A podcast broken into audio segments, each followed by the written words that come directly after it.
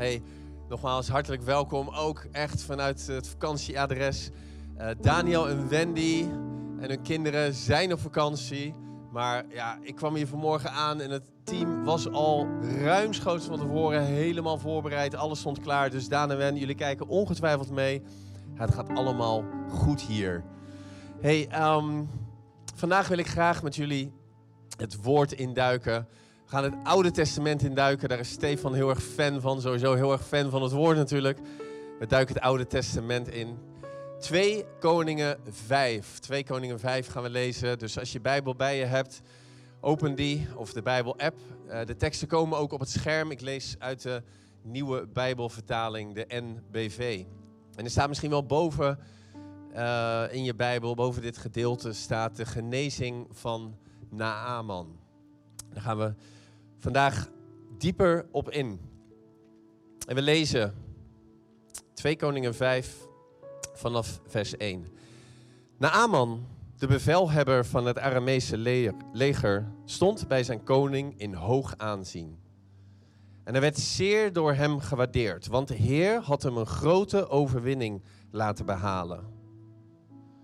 Maar deze grote krijgsman leed aan huidvraat ook wel lepera genoemd. Nu hadden de Arameërs op een van hun strooptochten uit Israël een jong meisje meegevoerd dat als slavin diende bij de vrouw van Naaman. En zij zei tegen haar meesteres: Ach, kom mijn meester maar eens naar die profeet, naar de profeet in Samaria gaan. Die zou hem wel genezen. En de Aman ging naar zijn koning en vertelde hem wat het meisje uit Israël had gezegd. Daarop zei de koning van Aram: Ga erheen. Ik zal u een brief meegeven voor de koning van Israël. Naaman ging op weg met tien talent zilver bij zich, zesduizend shekel goud en tien stel kleren. En in de brief die hij aan de koning van Israël overgehandigde, stond het volgende. Met deze brief stuur ik mijn dienaar Naaman naar u toe, om door u van zijn huidvraat te worden genezen. En zodra de koning van Israël de brief gelezen had, scheurde hij zijn kleren en riep uit: Ben ik soms een God dat ik kan beschikken over leven en dood? Hij stuurt mij deze man om hem van zijn huidvraat te genezen. Let op mijn woorden. Hij is uit op een conflict met mij. Maar toen de godsman Elisa hoorde dat de koning van Israël zijn, zijn kleding had gescheurd, liet hij hem vragen: Waarom hebt u uw kleren gescheurd? Laat die man bij mij komen. Dan zal hij merken dat er in Israël een echte profeet woont. En Aman hoorde dit en reed met zijn strijdwagen naar het huis van Elisa. En Elisa stuurde iemand naar buiten om hem, de Aman, te zeggen: Baat u zevenmaal in de Jordaan, dan zal uw huid weer gezond worden en zult u weer rein zijn. Maar kwaad ging de Aman weg. Ik had gedacht dat hij zelf naar buiten zou komen, zei hij. En dat hij de naam van de Heer, zijn God, zou aanroepen en met zijn hand over de aangetaste plek zou strijken en zo de huidvraat zou wegnemen. Zijn de rivieren van Damascus, de Abana en de Parpar soms niet beter dan alle wateren in Israël? Had ik me daarin niet kunnen baden om rein te worden? Verontwaardigd draaide hij zich om en ging weg. Maar zijn bedienden kwamen hem achterna en zeiden: Maar overste, als de profeet u een ingewikkelde opdracht had gegeven, dan had u die toch ook uitgevoerd? Dus nu hij tegen u zet, zegt: Baat u en u zult weer rein worden, moet u dat zeker doen. Hierop daalde Naaman af naar de Jordaan, dompelde zich daar zevenmaal onder, zoals de godsman had gezegd. Zijn huid werd weer gezond zo gaaf als de huid van een kind. En hij was weer rein. Ik wil graag bidden voor het woord. Vader, dank u wel dat we uw woord in mogen duiken, dat u het aan ons openbaart. En vader, ik wil u vragen, spreek tot ons. Spreek tot ons door uw woord heen. Vader, uw woord zegt dat uw woord een levend woord is. Laat ons u beter leren kennen door het woord. In Jezus' naam. Amen. Wat een bijzonder verhaal weer. Ik weet niet hoe jij het ziet, maar van dit soort verhalen, daar smul ik van. Er zitten zoveel elementen in waar ik van denk van, maar hoe dan? En waarom? En het is ook niet het eerste verhaal in de Bijbel waarin we zien dat eigenlijk een outsider, iemand die buiten het volk van God hoorde, die niet onderdeel was van het volk van God, dat een outsider toch, dat God toch zijn ogen op zo iemand heeft. We zien natuurlijk in het verhaal van de barmhartige Samaritaan dat iedereen verwacht dat degene die hè, onderdeel zijn van het volk Israël, onderdeel zijn van Gods verbond, dat die het juiste doen, dat God daar hun de ogen op heeft. Maar hier zien we weer zo'n verhaal. Naaman was opperbevelhebber van het Aramese leger. Hij was gevestigd in Damascus en dat is het hedendaagse Syrië. En de Arameërs, dat waren een van de grootste vijanden van het koninkrijk van Israël. Israël was een koninkrijk in die tijd en we lezen door de Bijbel heen continu de oorlogen die Israël had met de volken om zich heen. En wat lezen we dan hier? Dat Naaman, dat God ervoor zorgde dat Naaman, de vijand van Israël, een grote overwinning bezorgt. Waarom dan? Is een van de eerste vragen die ik heb.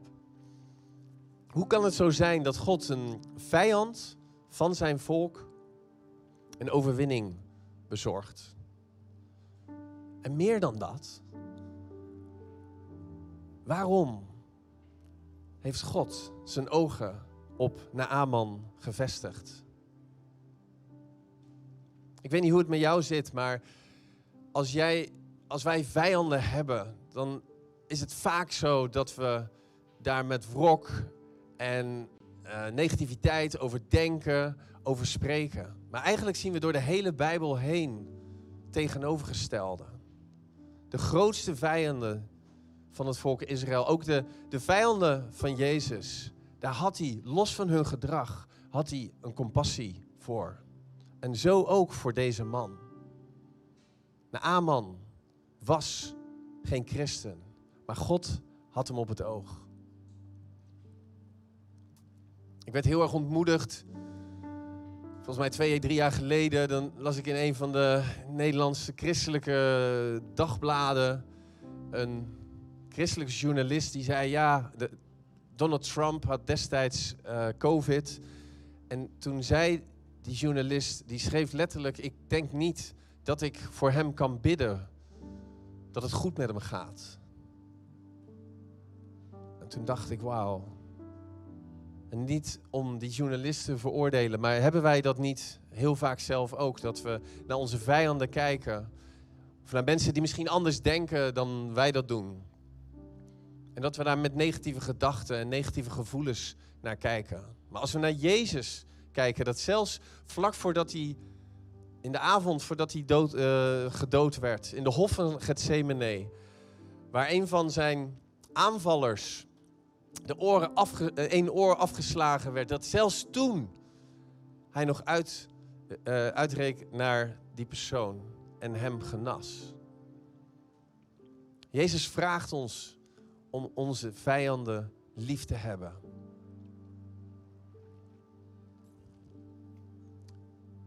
In dit verhaal zien we gelukkig een meisje die, als je het mij vraagt, een weerspiegeling is van het leven wat Jezus leeft en wat hij ook ons vraagt te leven.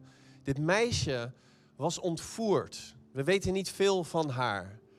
Maar we weten wel veel, ook uit de geschiedenisboeken, van de gruwelijke strijd en de gruwelijke dingen die er gebeurden als er mensen geroofd werden uit andere landen. En we hebben het natuurlijk de afgelopen jaren nog gezien met ISIS, die, die, die meisjes, die, die groepen vrouwen uh, geroofd heeft van hun familie vandaan, van hun moeder, van hun vader. Dit was een jong meisje dat was geroofd. En dat was als slavin te werk gezet in het, in het huis, in, in het uh, huishouden van de Aman.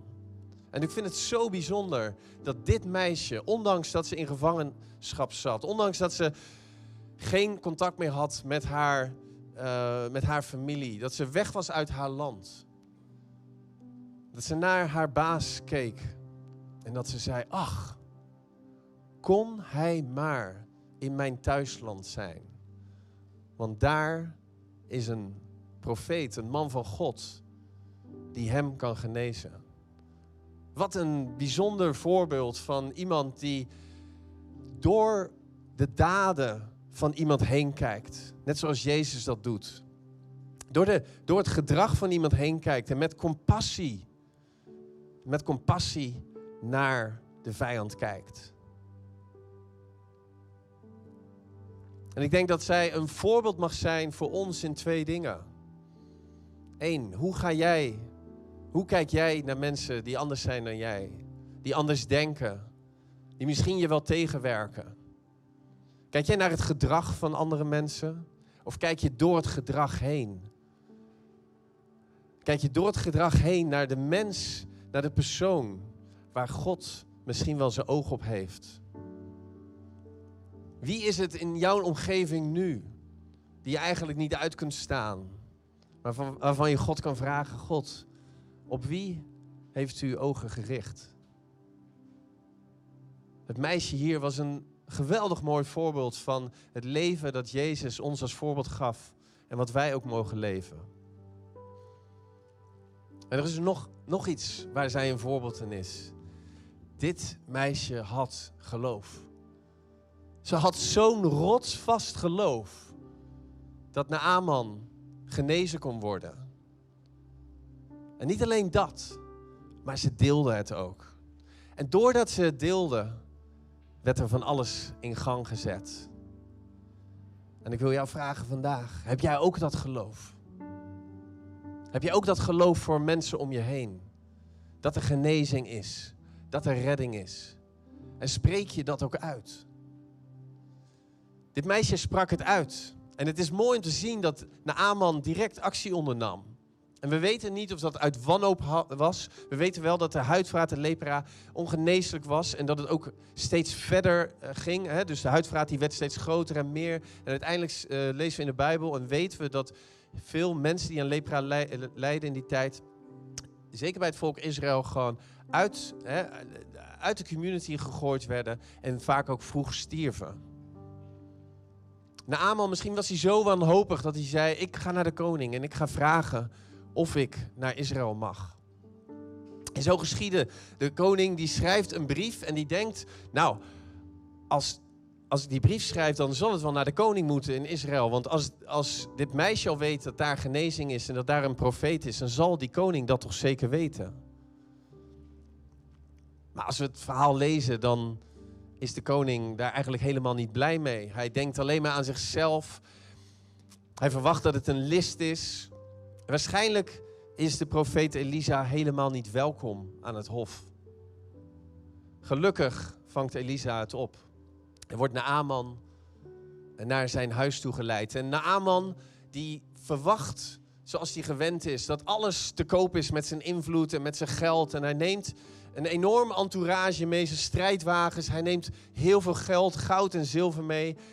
De waarde tegenwoordige tijd is tussen de 1 en de 4 miljoen euro, heb ik, uh, heb ik opgezocht. Niet uitgevonden, heb ik gelezen. Met heel veel geld gaat hij, met heel veel geld en goed en, en invloed gaat hij dan naar die profeet toe. En hij denkt, ja, hier, hier zal het toch wel mee moeten lukken. En dan komt hij bij het huis van Elisa. En het is zo'n bijzonder moment dat Elisa nog niet eens naar buiten komt. Hij stuurt een knecht. En ik denk dat wij niet voor kunnen stellen hoe dat eruit zag. Maar ik kan me voorstellen dat er een staatsbezoek is. Dat er een, misschien een, een premier Macron naar Nederland komt met hele entourage, beveiliging en dergelijke. En dat hij dan hier iemand in de bediening, iemand een knecht, ja een knecht hebben we niet meer echt, maar een medewerker, uh, dat die hem te woord spreekt. En niet het staatshoofd zelf. Zo moeten we dat zien in die tijd. En Naaman die was natuurlijk helemaal verbolgen. Hij zegt, hoe kan het nou? Dan kom ik, kom ik helemaal hier naartoe.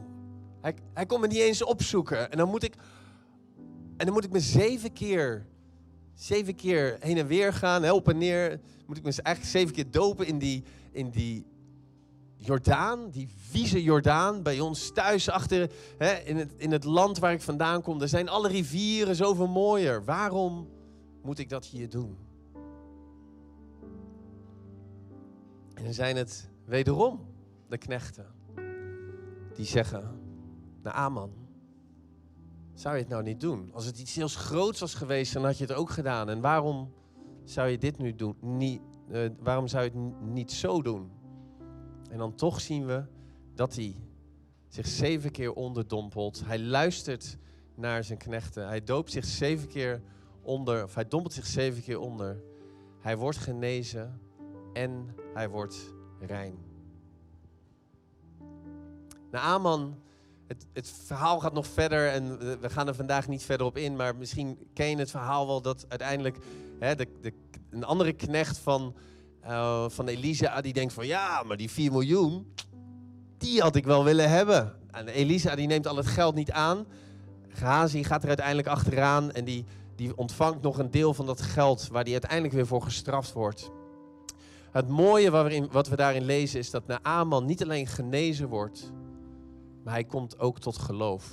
Hij neemt wat van de aarde mee en hij zegt: Als ik weer naar de tempel moet, die tempel van die afgoden, dan zal ik alleen maar buigen voor de echte God.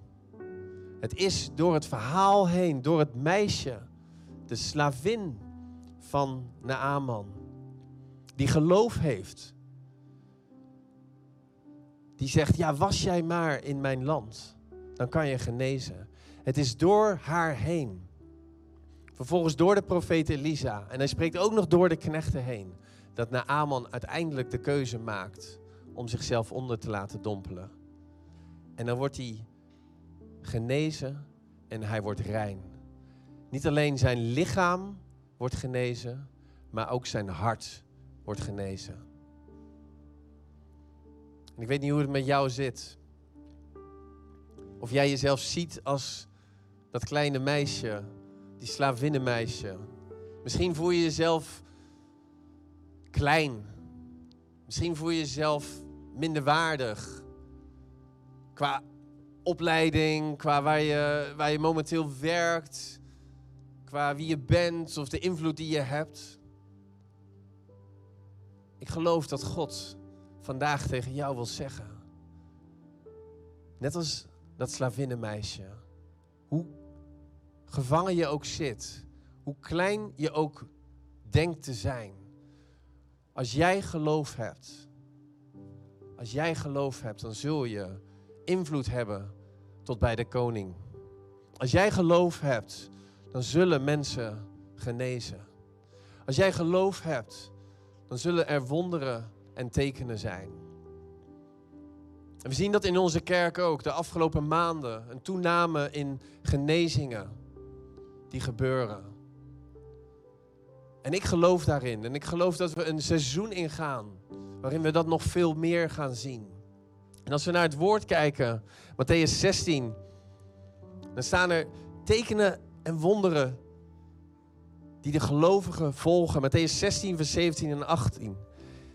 Degenen die tot geloof zijn gekomen, zullen herkenbaar zijn aan de volgende tekenen. In mijn naam zullen ze demonen uitdrijven. Ze zullen spreken in onbekende talen. Met hun handen zullen ze slangen oppakken. En als ze een dodelijk gif drinken, zal het hun niet deren. En ze zullen zieken weer gezond maken door hun de handen op te leggen. Degene die tot geloof zijn gekomen. Volgens mij zijn wij dat. Dan ben jij en jij en jij en jij en jij en dan ben ik. Dit zijn de tekenen die ons mogen volgen. En als je eerlijk bent en je naar je leven kijkt, of misschien om je heen, dan zien we dat niet elke dag. Maar ik geloof dat we wat God in het woord zegt, dat dat waarheid is. En dat deze tekenen voor ons vandaag de dag zijn. Misschien ben je nieuw in onze kerk. Misschien weet je niet precies wat wij geloven. Nou, het is eigenlijk heel simpel. Wij geloven dat God dezelfde is gisteren, vandaag en morgen. En dat Jezus dezelfde is gisteren, vandaag en morgen. En dat God een liefdevolle God is die van jou houdt. En we geloven dat ziekte en aandoeningen niet van God zijn. Jezus heet niet voor niets de Jehovah Rapha, de God die geneest. En het is mijn gebed dat we mogen groeien in het geloof en het weten en het vertrouwen van het woord van God. Dat ook voor vandaag de dag zijn genezing er is. Voor jou. Misschien wel voor een familielid. En ik wil zo specifiek bidden voor mensen die al lange tijd ziektes hebben, aandoeningen die, waarvan de dokters zeggen die zijn ongeneeslijk. Ik ben zo dankbaar dat we in deze tijd, in de 21ste eeuw leven, dat er doktoren, medici zijn die door God gebruikt worden om mensen te genezen. Ik denk dat er geen, het is geen soort tweedehands genezing als de dokter dingen voorschrijft of een, door een middel van een operatie genezen, jij genezen wordt. Ik, ik heb zelf een hele leven al een notenallergie en dat gaat vaak goed, maar vaak ook niet goed. Ik ben ook echt wel eens op de intensive care beland. 24 uur lang daarvoor uh, gevochten. Ik ben blij dat ik leef. Ik zeg wel, als er geen medicijnen, geen dokters waren geweest, dan had ik echt al tien keer bij de Heer geweest. En ik wil graag bij de Heer in de hemel zijn, maar ik ben ook bij de Heer hier op aarde en mijn seizoen is nog niet voorbij. En dat geldt ook voor jou. En weet je, er is een heel moeilijk gebied dat gaat over geloof en genezing. Maar toch, als we de Bijbel lezen, en ik heb een paar Bijbelteksten, ik zal ze even kort achter elkaar opnoemen. Matthäus 9, vers 22. Your faith has healed you. Mark 5, vers 34. Your faith has healed you. Mark 10, Marcus 10, vers 52. Your faith has healed you.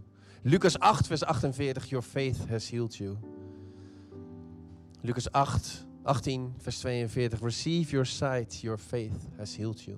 En dit zijn nog maar enkele, maar als we Jezus volgen in het Nieuwe Testament, waar hij eigenlijk iedereen die die tegenkwam genas, dan zien we ook tegelijkertijd zo vaak die woorden, your faith has healed you. En als ik dat soms wel eens zeg, dan hoor ik wel eens het tegenargument van ja, maar betekent dat, als, betekent dat dan dat als iemand niet geneest, dat we niet groot geloof hadden, dat we, niet, hè, dat we geen geloof hadden? Dat is niet zo. Maar ik geloof dat wat hier in het woord staat van God, en hij zegt dat elk woord in zijn Bijbel voor vandaag geldt, dat wij hierin mogen staan. Dus ik wil bidden. Ik wil bidden voor geloof. Dat God jou gaat genezen. En dat God mensen waar jij al zo lang voor bidt, dat hij die gaat genezen. Dus laten we onze ogen sluiten. Vader in de hemel. Vader, dank u wel dat we zo uw woord in mogen duiken. En vader, wat een mooi voorbeeld van het slavinnenmeisje die geloof had en die wist dat als mensen in aanraking kwamen met een levende God, gesproken in dit geval door een profeet, dat u genezing zou geven. En vader, we leven in een, in een gevallen tijd. We leven in een tijd waar mensen lijden ziekte, aandoeningen, geestelijke en lichamelijke ziekte. En vader, dank u wel dat u uw woord geeft. Dat uw woord geeft van hoop. Dat uw woord redding biedt. Dank u wel, Heer, dat u, uw naam, Je Jehovah Rapha, is de God die geneest. En dank u wel dat we in uw aanwezigheid mogen komen. Vandaag, hier in de kerk en bij jou thuis, of waar je ook kijkt. En ik wil u vragen, God, kom met uw genezing. Let your healing rain fall down. Dank u wel dat u mensen aanraakt. Dank u wel, Vader, dat u organen weer terugbrengt in zijn originele staat. Dank u wel, Vader, dat u nieuw bloed geeft. We spreken het bloed van het lam over elke zieke in onze gemeente. We spreken het bloed van het lam over elke vriend, elk familielid, elke buur, elke collega waar we voor bidden. Vader, dank u wel dat we geloof mogen hebben. Dat u vandaag nog steeds dezelfde God bent. Die tekenen doet. Die wonderen doet. En vader, we zien uit naar de getuigenissen. Naar de veranderende levens. Vader, we bidden, zo bidden we voor genezing. Maar we bidden ook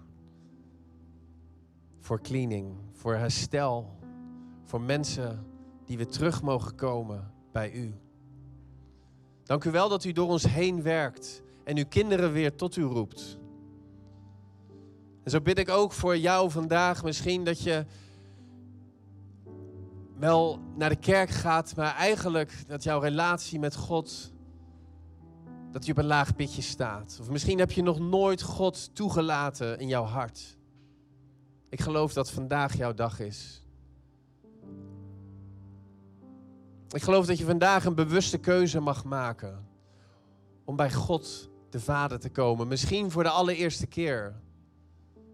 Of misschien wel voor de zoveelste keer. God wil, God wil niets liever dan dat jij in zijn armen komt. En dat jij ontdekt dat hij een liefdevolle vader is. Net als Naaman. Hij werd genezen. Maar uiteindelijk kwam hij tot de ontdekking dat er maar één God was. En dat is dezelfde God die wij dienen. En ik wil bidden voor jou als jij vandaag een keuze moet maken in je hart om God toe te laten. Vader in de hemel, dank u wel dat hier vandaag mensen zijn die een keuze maken, een keuze voor u. En als jij dat bent, dan weet ik en dan geloof ik dat God jou op het oog heeft. Waar je ook bent in het leven op dit moment, Hij houdt van jou. En hij kent jou. Al voordat jij geboren was, kende hij jou al. Hoe klein je jezelf ook voelt, of misschien hoe trots je wel bent op jezelf. Het maakt niet uit. God is er voor jou. En jij mag je hart aan Hem geven. En je mag uitspreken, ja Vader, ik wil niets liever dan uw kind zijn. Dank u wel dat u mijn vader bent. Dat u elke dag van uw leven met me meegaat. En ik wil echt een keuze maken om mijn oude leven achter me te laten en voor u te kiezen. In Jezus' naam. Amen. Ik hoop dat je bemoedigd bent vandaag. Ik zei het net al tijdens de voorbereiding met het team. Ik had niet. Ik ben al een maand geleden heb ik God gevraagd: waar wilt u dat ik over spreek vandaag? En ik kreeg deze echt op mijn hart. En uh, ik besef dat het heel moeilijk is. Ook wij als familie gaan door een moeilijke tijd met kanker in de, in, de familie. Iemand en vrienden die uh, dag in dag uit een hospice ingaan om uh, ja, een van hun ouders te bezoeken. Dus ik hoop dat je net als mij geloof hebt dat God wonderen doet. En ook al doet hij het niet en ook al ziet hij het niet. Zijn woord blijft hetzelfde. En hoe ik naar God kijk zal niet veranderen door de omstandigheden om mij heen. Of de dingen die ik wel of niet zie gebeuren. Hij is nog steeds de Jehovah Rapha, de God die geneest. Amen.